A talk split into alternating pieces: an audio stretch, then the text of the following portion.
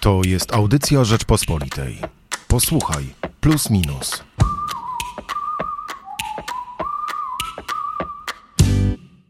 Dzisiaj porozmawiamy o tym, e, co nas zaskoczyło 24 lutego, a tak naprawdę co nas zaskakuje dzisiaj, jak patrzymy na wydarzenia na wschodzie. Oczywiście porozmawiamy na kanwie najnowszego wydania magazynu Plus Minus. Jak Państwo spojrzą na okładkę, to jest tam hasło Gdzie ta miłość do Ukraińców? Zawstydzająca zmiana nastrojów. Ale nie będziemy rozmawiać dzisiaj ani o tym, co myślą Ukraińcy, ani o tym, co myślą Polacy, ani o tym, co myślą Niemcy, bo e, o tym też niemiecki historyk Felix Ackermann pisze w najnowszym wydaniu Plusa Minusa. Dzisiaj porozmawiamy o Rosjanach, i o Rosji. Ja nazywam się Michał Płociński, a ze mną jest dr Bartłomiej Gajos. Dzień dobry, cześć. Z Centrum Mieroszewskiego, albo może nawet powiedzmy bardziej po angielsku, bo dowiedziałem się, że to też już tak funkcjonuje. Mieroszewski Center. Dokładnie tak. Więc dzisiaj po polsku i dzisiaj e, raczej porozmawiamy dla Polaków, którzy no jednak uważnie śledzą, co się dzieje na wschodzie, bo jest to bardzo blisko nas. Myślę, że jakbyśmy rozmawiali dla Portugalczyków, to byśmy musieli najpierw zacząć od tego, co w ogóle tam się dzieje w Ukrainie. Gdzie jest Ukraina? Może w ogóle na mapie pewnie, pewnie, pewnie musielibyśmy pokazać. Ale wiesz co, tak o tych zaskoczeniach myślałem, jak, jak do mnie zadzwoniłeś, e, e, co, co nas najbardziej zaskoczyło, to ja myślę, że, że jak największym zaskoczeniem jest to, że rozmawiamy po dziewięciu miesiącach i mija dokładnie mniej więcej dwa i pół tygodnia od tego, jak Ukraińcy wyzwolili Hersoń. Gdybyś mnie zapytał 23 lutego, że E, Rosjanie... Jutro wybuchnie wojna. Jutro wybuch... Czy jutro wybuchnie wojna, to pewnie bym pokiwał głową i nawet mam na to papiery, że ja nie byłem przekonany, że to będzie wojna na taką skalę. Byłem raczej przekonany co do tego, że to będą jakieś takie ataki rakietowe, coś ala mm, 2014. Tak, 2014, ale coś ala, z czym mamy do czynienia od miesiąca, dwóch, to znaczy ataki na infrastrukturę krytyczną, żeby Ukraińcom e, utrudnić życie maksymalnie. E, I to jest jedna rzecz, myślę. Dwa, gdybyś mnie zapytał, że Rosjanie będą pod Kijowem, a potem z tego Kijowa się wycofają, potem będzie kontrofensywa na, e, e, na Charkowszczyźnie, potem będzie kontrofensywa na południu i ten Herson zostanie odbity, e, no to, to bym ci nie uwierzył, gdybyś mi, gdybyś mi taki scenariusz właśnie w lutym, w lutym powiedział. No co myślę pokazuje po pierwsze lekcję pokory dla nas wszystkich, to znaczy nikt z nas nie ma szklanej kuli, E, i nikt nie potrafi przewidywać e, e, przyszłości, pomimo tego, że pewnie dzisiaj, gdybyśmy pogooglali, to mistrzów analizy wstecznej znajdziemy wielu i wielu pewnie dzisiaj powiedziało, a mówiłem, mówiłem w lutym, że tak będzie. Ale myślę, że ta nasza E, ta nasza atmosfera przed tym 23 lutego, taka niepewność, e, którą, z której sam doświadczałem, o której sam słyszałem, rozmawiając z różnymi specjalistami, e, e, e, brała się po części z e, jednak nie, mało asertywnej polityki Zachodu po 2014 roku. to znaczy... No, były te żarty, że jak teraz Rosja naprawdę najedzie czołgami, to w Niemczech będą rysować gołąbki kredą po asfalcie i to będzie odpowiedź na to. Dokładnie tak. I gdybyś sobie teraz to, co powiedziałeś, gdy zestawimy z tym, co się wydarzyło zaraz, e, to znaczy to było chyba trzy dni po 24 lutego, e, rzecz niewyobrażalna, rzecz pamiętam, o której rozmawiano po aneksji Krymu, to znaczy odcięcie Rosji od SWIFT-u, zamrożenie aktywów rosyjskich w bankach zachodnich 300 miliardów dolarów. E, I to się dzieje trzy dni po bo G7 się spotyka i przywódcy G7 y, przez weekend, bo to się działo w weekend. Oni w weekend musieli podjąć decyzję i zrobić to dostatecznie po cichu, żeby Rosjanie się nie zorientowali, nie zaczęli tych aktywów wycofywać z banków zachodnich, bo one są rozsiane, e, no to pewnie też byśmy się popukali w głowę, a, a z pewnością w Niemczech by się popukali w głowę, w Stanach Zjednoczonych też by się pewnie popukali w głowę, e, ale obrazki, bo tak mi to przedstawiał e, Daniel Fried, czyli człowiek, który był u Obamy odpowiedzialny za przygotowanie pakietu sankcji po aneksji Krymu, a dzisiaj jest analitykiem, który jest blisko administracji Bidena.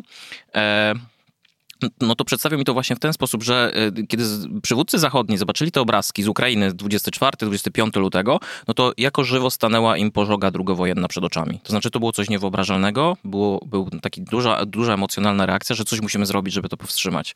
E, że to już nie są żarty, że to nie, już nie są dyskusje dyplomatyczne o tym, że, e, e, że może, może, może tego NATO nie powinniśmy rozszerzać, bo, bo to jest prowokacja Rosji, bo będziemy prowokować Rosję.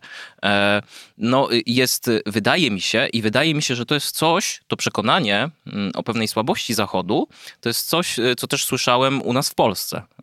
I, I w Rosji słyszałeś na pewno. no tak, to jest, to jest powiedziałbym coś, co łączy niektórych w Polsce z przekonaniem chińskim i rosyjskim o słabości Zachodu, no bo, no bo jeśli popatrzymy sobie na Rosję i Chiny, no to wydaje mi się, że mie, jeśli mielibyśmy sobie naszkicować tak jakieś nie porozumienie chińsko-rosyjskie, no to jednym z kluczowych elementów e, tego porozumienia chińsko-rosyjskiego, tej wspólnoty światopoglądów, e, jest przekonanie, że Zachód chyli się ku upadkowi.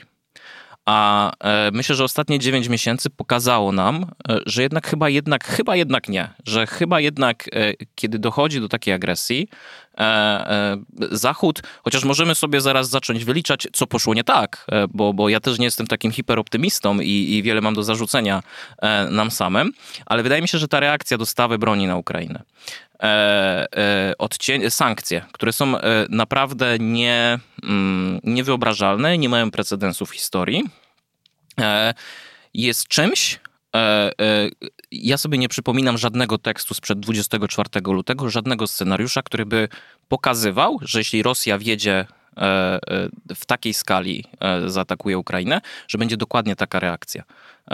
Więc wydaje mi się, że to jest takie duże, pozytywne zaskoczenie. E, bo myślę, że i, i, i, ja sam do końca w coś takiego nie wierzyłem. Wiesz, ja nie chcę, żebyśmy teraz wyliczali, e, co poszło nie tak. Raczej chciałbym, żebyśmy skupili się na tym, co dzieje się teraz. Przeskoczyli jednak te 9 miesięcy, e, przyjrzeli się na przykład Rosji, no bo w końcu ty zajmujesz się Rosją, pracujesz w centrum, które zajmuje się dialogiem, prawda, ze wschodem, teraz bardziej z narodami bliższymi nam trochę geograficznie niż, niż rosyjski, ale przyjrzyjmy się samym Rosjanom. Coś cię zaskakuje dzisiaj w Rosji? Coś cię zaskakuje w tym, jak Rosjanie podchodzą, nie wiem, do wojny, do tego, co się dzieje na froncie, do własnej propagandy, do własnej władzy? Moje największe chyba zaskoczenie e, dotyczące Rosji jest takie, mm, że e, gospodarka rosyjska pod tymi sankcjami mm, zademonstrowała duże zdolności adaptacyjne. E, z tego, i to jest troszkę kamyczek do ogródka naszego środowiska analitycznego, bo jeśli pogooglowałbyś sobie prognozy mm, z marca, z kwietnia, E, no to spokojnie znajdziesz informację, ja sobie, ja sobie to wszystko wypisałem. Bank Światowy w marcu prognozował, że gospodarka rosyjska w tym roku skurczy się o 11,4%. E, Ministerstwo, Ministerstwo Finansów Rosji, samo Ministerstwo Finansów Rosji i na ich badania, na ich analizy, do ich analiz odnosił się Aleksiej Kudrin, czyli były minister finansów rosyjski, więc znający wie o czym mówi. Mówił o 80% skurczeniu się. Polski Instytut Ekonomiczny prognozował 15 do 20%. W rzeczywistości dzisiaj my wiemy, że ta recesja to będzie 3-4%. I ta zdolność adaptacyjna rosyjska do tych sankcji jest duża. To nie znaczy, że sankcje nie działają, e, bo sankcje sieją spustoszenie w przemyśle samochodowym, po części w przemyśle mm, paliw kopalnych e, i tego, ile jest tego eksportowane. Natomiast e, to jest nauczka dla nas, by nie popadać w hura optymizm, bo ja mam wrażenie, że myśmy popadli w hura optymizm. Też byłem po części tego, tego częścią, to znaczy uważałem, że rzeczywiście będzie coś takiego. Natomiast czekanie na takie dane i na liczby i takie prognozy, to jest kolejna lekcja z tego, że nikt z nas nie ma szklanej kuli E, I warto może niekiedy poczekać na jakieś dane statystyczne. Ja wiem, że decyzje trzeba podejmować w realnym czasie, e, e, ale warto, no właśnie, warto się zastanowić nad tym wszystkim. I druga rzecz, też liczbowa, to znaczy, wydaje mi się, że te, te, te, to wszystko jest takim ogromnym zaskoczeniem i właśnie pytałeś o Rosję. Ja sobie zerknąłem na dane, ile Rosjan wyjechało, e, co ma być jakimś takim dowodem, e, że Rosjanie częściowo głosują nogami przeciwko tej wojnie. I myślę, że po części to jest prawdą, e, tylko że ja zawsze, kiedy Rosjanin mówi i widzę te wszystkie plakaty nie wojnie, to ja się zastanawiam, czy w pakiecie z tym idzie oddanie na przykład Krymu Ukrainie. Znaczy ja mam takie pytanie, tak? Czy to jest, czy to jest po prostu tylko nie wojnie, bo wojna mnie dotyka? Innymi słowy jest takie trochę egoistyczne. Nie mogę kupić nowego iPhone'a. Na przykład. Wyjechać na wakacje znaczy, na zachód. Bo muszę uciekać z kraju na przykład, bo się boję, że zostanę powołany do armii, e, jak jestem w wieku, w wieku poborowym, nie? No bo to jest, e, to jest coś takiego. I, e, i pamiętam liczby, liczby na samym początku, kiedy wybuchła wojna, był taki wielki szok i, i, i tam pisano pie, pół miliona wyjechało Rosjan i tak dalej. Okazało się, że tych Rosjan w pierwszej tej fali lutowej wyjechało bodaj 150-200 tysięcy. Czyli przeliczyliśmy się. Ale ogromnym ogromne przeliczenie przyszło we wrześniu. Jak przyszła mobilizacja, e, to ja pamiętam, Forbes rosyjski pisał o 700 do miliona, do miliona Rosjan, którzy mieli wyjechać. Dzisiaj demografowie, jeszcze nie mamy wszystkich danych, e, ale demografowie rosyjscy mówią o tym, że 250-350 tysięcy, maksymalnie 400. Znaczy rząd wielkości jest razy dwa. E, to jest po części kamyczek do ogródka nas, analityków, e, bo pewnie troszkę żeśmy to zainspirowali, bo chcielibyśmy widzieć Rosję przegraną i, i trzeba na to uważać, żeby się samemu nie zaskoczyć potem. Po, po drugie, to jest, tak jak powiedziałem, prognoza przyszłości jest szalenie trudna. E, e, I, i, to jest, i, to jest, I to jest bardzo trudne. No i trzecie, ja myślę, że media bardzo lubią takie wielkie liczby, nie? E, to trochę, trochę patrzę teraz na ciebie. No, po pierwsze chcemy widzieć, że coś się zmienia, że w Rosji pojawia się, nie wiem, jakaś opozycja, najlepiej demokratyczna. Jakieś światełko w tunelu byśmy chcieli zobaczyć. Nie widzę. Widzę w Rosji i widzę w Rosji marazm, widzę w Rosji depresję, taką społeczną. Jeśli ktoś jest świadomy tego, co się dzieje. Widzę w Rosji unikanie wojny.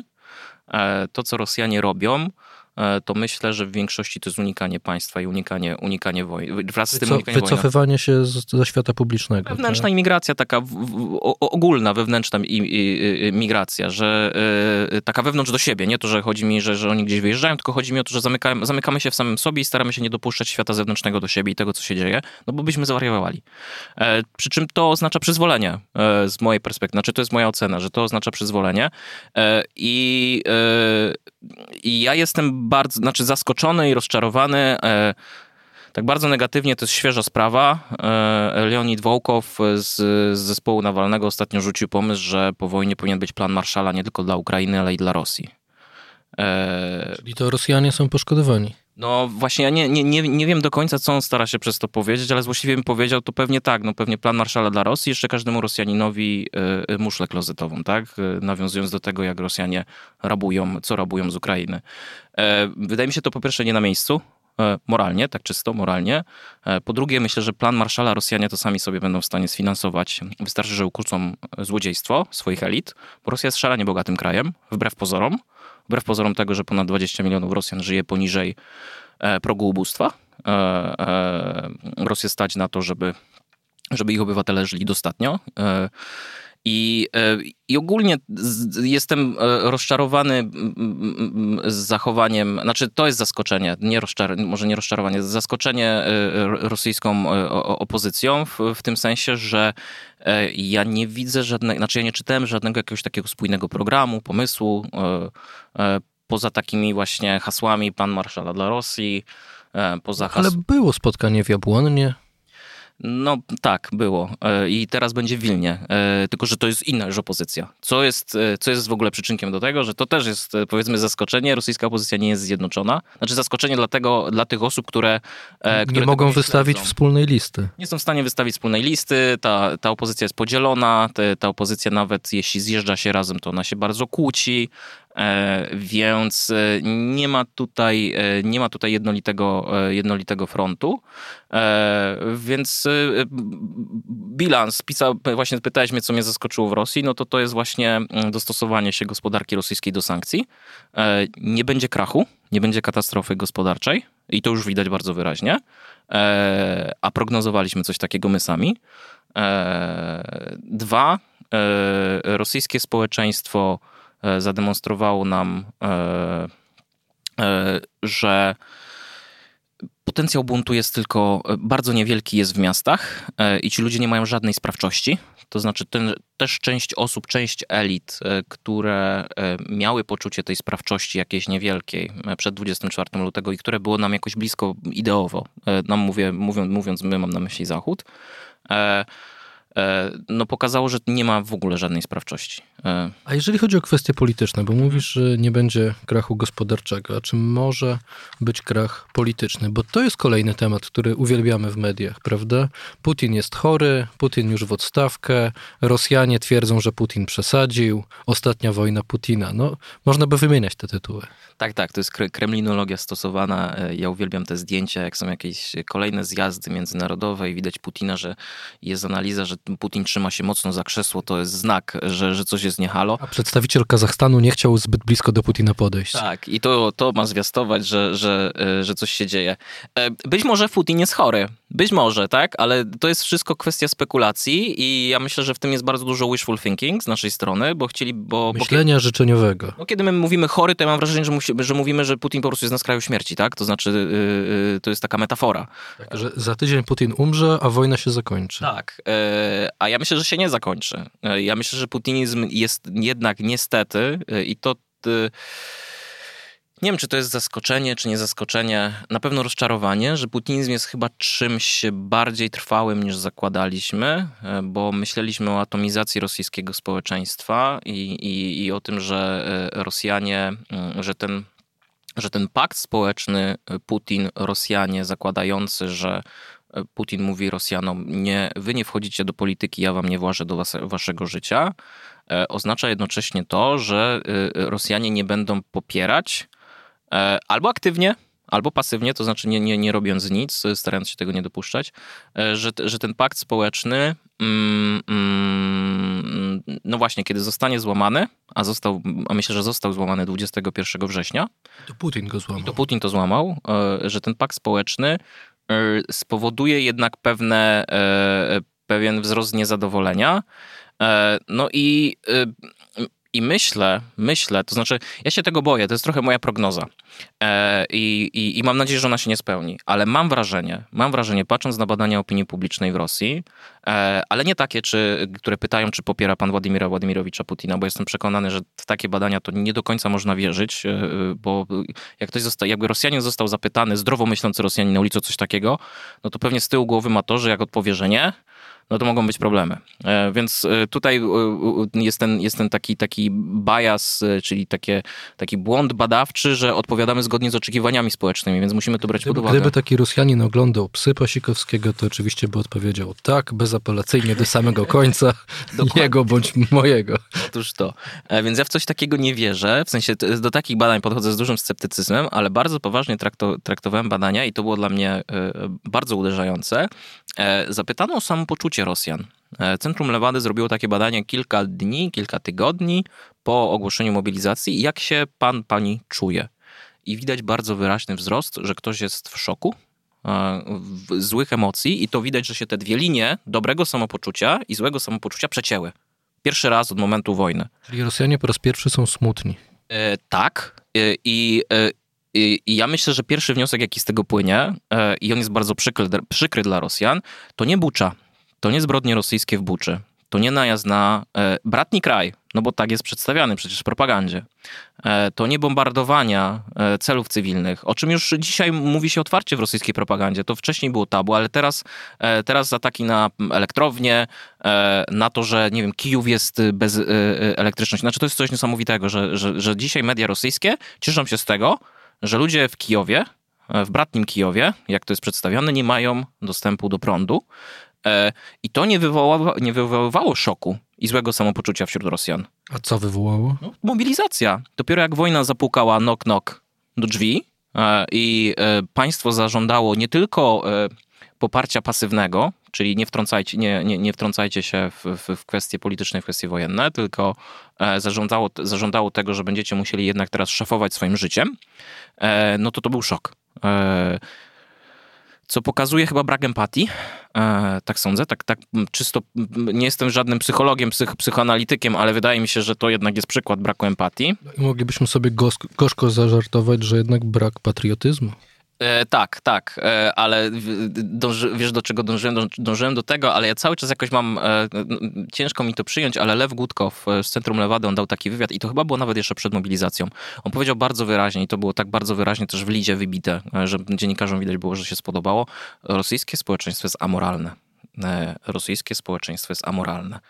E, I i pewnie, pewnie gdybyśmy. E, e, Nas to nie szokuje, ale Rosjanie, którzy wierzą w to, że to oni mają wyższość moralną i lepszego ducha niż Zachód. E, no tak, tak. Oni na pewno stoją po tej jasnej stronie mocy, to znaczy ci, którzy popierają, e, popierają tak zwaną specjalną wojenną operację, e, to pewnie tak. Część pewnie tego w ogóle do siebie nie dopuszcza. Część próbuje, przepraszam, o tym też muszę wspomnieć, bo przecież jest też też wśród moich przyjaciół najbliższych są osoby, które, które są Rosjanami, pomagają Ukraińcom, tak? I, i, I tylko, że to jest bardzo niewielka część, znaczy to jest margines, uważam, bardzo, bardzo niewielki, którzy, którzy, którzy to robią, że rosyjskie społeczeństwo zaskoczyło nas wszystkich, ale myślę, że zaskoczyło najbardziej Ukraińców. E, a dlaczego? Ano dlatego, że jakbyśmy sobie poczytali luty, marzec, kwiecień, myślę, że to gdzieś do, kwiet... do Buczy, do Buczy. Bucza to był taki ogromny szok dla, dla Ukraińców. E pisarze ukraińscy, osoby związane z kulturą, które dużo wyjeżdżają i mają kontakty. E, język rosyjski dla wielu Ukraińców e, jest pierwszym językiem, e, więc te kontakty z Rosjanami były o wiele ułatwione, o, bar, o, o bardzo, o, o, bardzo łatwe, tak? I, i to, to, nie było żadnego problemu. Ba, przecież sam Zełański występował w telewizji rosyjskiej. E, e, mm. Zdaje się, nawet z, z, pamiętam takie jego chyba wystąpienie z Maksymem Gałkinem. To jest taki też bardzo znany rosyjski komik, dzisiaj opozycyjny, bardzo, bardzo jasno wypowiada się negatywnie na temat tego, co robi Kreml i cała Rosja. E, było oczekiwanie i były też listy pisane, że e, ludzie kultury ze strony Rosji, e, intelektualiści, pisarze, E, bardzo jasno e, staną, że staną się po pierwsze przyczyną fermentu, to znaczy takiego fermentu, gdzie postawią się Kremlowi i będzie bardzo wyraźnie widać, że, że ta wojna jest niepopierana. E, no i też wyrażą bardzo jasno swoje zdanie. No i oczywiście mamy, nie wiem, Ałę Pugaczową czy Maksyma Gałkina, E, no ale mamy też na przykład Sznurowa, e, wokalistę Leningradu, który e, zaraz po tym, jak zostały wprowadzone zakazy lotów do Unii Europejskiej, jak zaczęła się dyskusja na temat zabanowania wiz turystycznych dla Rosjan, no to nagrał taką paskudną piosenkę, której która, której pomysł sprowadzał się do tego, że Rosjanie są dzisiaj jak Żydzi e, w okresie II wojny światowej, nie?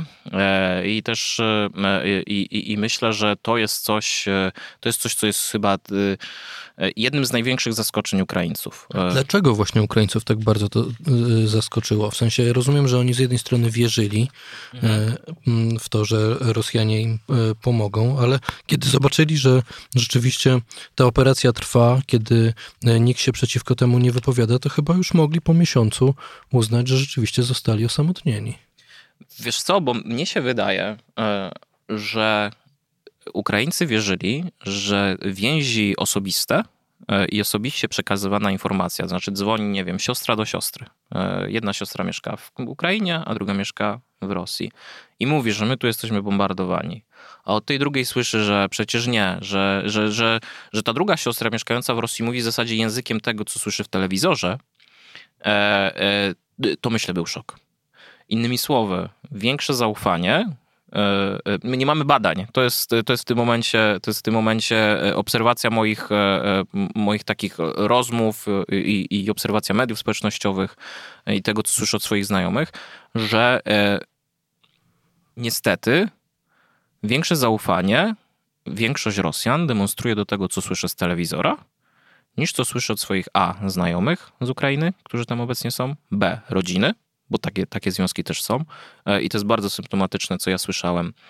E, e, to chyba mój właśnie najlepszy kolega z, z Rosji mi mówił, że, że, że ma babcię, która ma siostrę, jeśli dobrze pamiętam, w Ukrainie. E, no i ta rozmowa jest trochę taka, e, e, to też jest bardzo symptomatyczne. Kwestia wojny jest wypierana z tej drugiej strony, czy z rosyjskiej strony. Znaczy to, to nie jest temat do, do, do, do rozmowy. Co po części można zrozumieć, no bo jak się komunikuje ktoś z Rosji, no to pewnie nie ma dużego zaufania. E, e, no ale ta druga strona e, może przecież coś na ten temat powiedzieć. I, i, i, i tych związków rosyjsko-ukraińskich, takich osobistych, nie? że ktoś jeździł tam do pracy i tak dalej, i tak dalej, było bardzo wiele. I to jest ogromny szok, że teraz, że w tym momencie Rosjanie wkraczają i oni nie likwidują, nie wiem, przedstawicieli władzy ukraińskiej. To też robią, ale no, strzelają i likwidują cywilów. No przecież to, to, to, to były zwykłe, zwykli obywatele Ukrainy w Buczy, e, którzy niczym szczególnym Nie zawinili. Myśmy mieli świadomość tego, to nawet Putin mówił w swoim wystąpieniu chyba 24 albo 21 lutego, co było bardzo wyraźnym sygnałem, że istnieją jakieś listy proskrypcyjne, e, bo on powiedział coś takiego, że my dorwiemy tych, e, którzy są odpowiedzialni za zbrodnie w Odessie. E, I tych wszystkich ukraińskich nacjonalistów ukażemy. Więc świadomość tego, że coś takiego istnieje i że osoby pełniące jakieś funkcje państwowe, E, obecnie lub e, za wcześniejszych, za prezydentury Poroszenki, że jacyś intelektualiści jasno wypowiadający się na temat Kremla mogą się czuć e, nieswojo, mówiąc, mówiąc tak, tak eufemistycznie, to o tym żeśmy wiedzieli.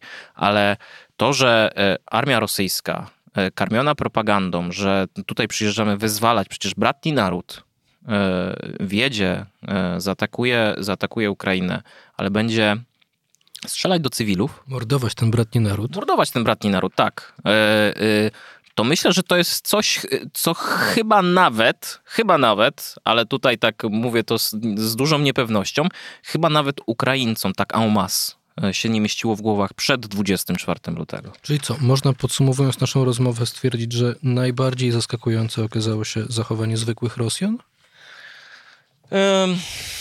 No, to zależy, kogo pytasz. E, ja, ja myślałem, i to jeśli mnie pytasz osobiście i, i moja opinia, ja myślałem, że jednak będzie coś więcej e, tego fermentu społecznego, że będzie, będzie jakieś, e, będzie to bardziej widać. Natomiast niestety uważam, że rosyjskie społeczeństwo jest w głębokiej depresji. Mm rosyjskie społeczeństwo w większości albo popiera wojnę, e, albo nie reaguje na to, co się dzieje, co oznacza moim zdaniem przyzwolenie. E, tych, którzy są, e, tych, którzy mają jednoznaczne poglądy jest niewielu i to są najczęściej osoby z wielkich miast, no to to jest, to jest absolutnie oczywiste. Po części to ma wpływ na to, widzę, że spoglądasz na zegarek, ale już, już, już, już będę puentował, że że Putin e, i Putin i reżim, e, to, to, tego nie możemy o tym zapominać, że to jest bardzo represyjny reżim i ten reżim przed wojną zamknął memoriał. I myślę, że te dwie sprawy, to znaczy luty i grudzień, zamknięcie memoriału i, e, i rozpoczęcie agresji. Opozycyjne Stowarzyszenie Memoriał, o tym mówimy. Tak, opozycyjne Stowarzyszenie Memoriał, które częściowo miało taką swoją odnogę, które częściowo zajmuje się do, dokumentowaniem przestępstw praw człowieka obecnie. To nie jest tylko historia. I myślę, że Put kalkulacja Putina była taka, E, że jeśli wojna się zacznie, no to przecież ten memoriał zacznie może nabruździć. To znaczy może zacząć, yy, yy, zacząć ujawniać pewne, yy, pewne rzeczy ze strony rosyjskiej. No, zamknięcie Nawalnego, rozbicie całej opozycji rosyjskiej, więc po części tam nie, nie ma ludzi, nie ma liderów, którzy mieliby to jakoś, mogliby to ogniskować, to niezadowolenie. I niestety tego niezadowolenia dzisiaj Y, y, nie widać. Być może będzie y, w przyszłości, być może ten kryzys gospodarczy, o którym mówimy, który nadciąga, ale nie będzie tak szybki i tak błyskawiczny, jak zakładaliśmy, e, to może coś zmieni. Natomiast puenta ostatnia i będzie kropka? Ty się nie martw, jak wciąż słuchacze są z nami, znaczy, że mają czas, nie mają dużych planów. E, uważam, że przyszłość, że w tym momencie, i to jest chyba może największe zaskoczenie, jedno z największych, e, że przyszłość Rosji E, leży w rękach Ukraińców e, i leży na froncie. E, jeśli Rosja dostanie w kość w tej wojnie, jeśli Ukraińcy wyzwolą wszystkie terytoria, to myślę, że to zachwieje reżimem Putina. No to słuchaj, skoro mają czas nasi słuchacze, na koniec, bo tyle, tyle się naopowiadałeś o tym, że bardzo trudno przewidywać, trudno stawiać jakieś tezy, że często się myliliśmy. No to co dalej się wydarzy na Ukrainie? Przewidujemy. O, widzisz, i teraz mnie chcesz w malinę wpuścić e, z tego wszystkiego. W trzech zdaniach w takim razie, króciutko. E, Im bardziej ogólnie, tym większa szansa, że trafisz. Myślę, myśl, nie, myślę, myślę po pierwsze, że Ukraina i, i to, na co liczy Rosja, to znaczy duch Ukraińców się nie złamie. E, pomimo tego, że Kijów dzisiaj jest chyba trzeci czy czwarty dzień, e, bardzo, e, ma bardzo ograniczone dostawy prądu e, i, i z wodą też są bardzo głębokie problemy. To jest pierwsza rzecz. W, tym, w tej kwestii się bardzo mocno Rosjanie przeliczą. E, myślę, że e, dalej będą. E, myślę, że w końcu być może F-16 i bardziej zaawansowana broń w końcu trafi do Ukrainy. I bardzo na to liczę. I mam nadzieję, że tak się wydarzy. To jest, moja drugie, to jest moje takie drugie przewidywanie. I, I trzecie, co, czego chyba bym sobie nam wszystkim, nam wszystkim życzył, że po tym początkowym szoku i, i, i, i, i tym, że jesteśmy cały czas w momencie, wszyscy, teraz mówię o całej Unii Europejskiej, w momencie odcinania się od Rosji, co rodzi pewne konsekwencje ekonomiczne, które wszyscy od, odczuwamy. To przecież inflacja, paliwa, no nie muszę mówić, e, wszyscy wiemy, jak to wszystko wygląda.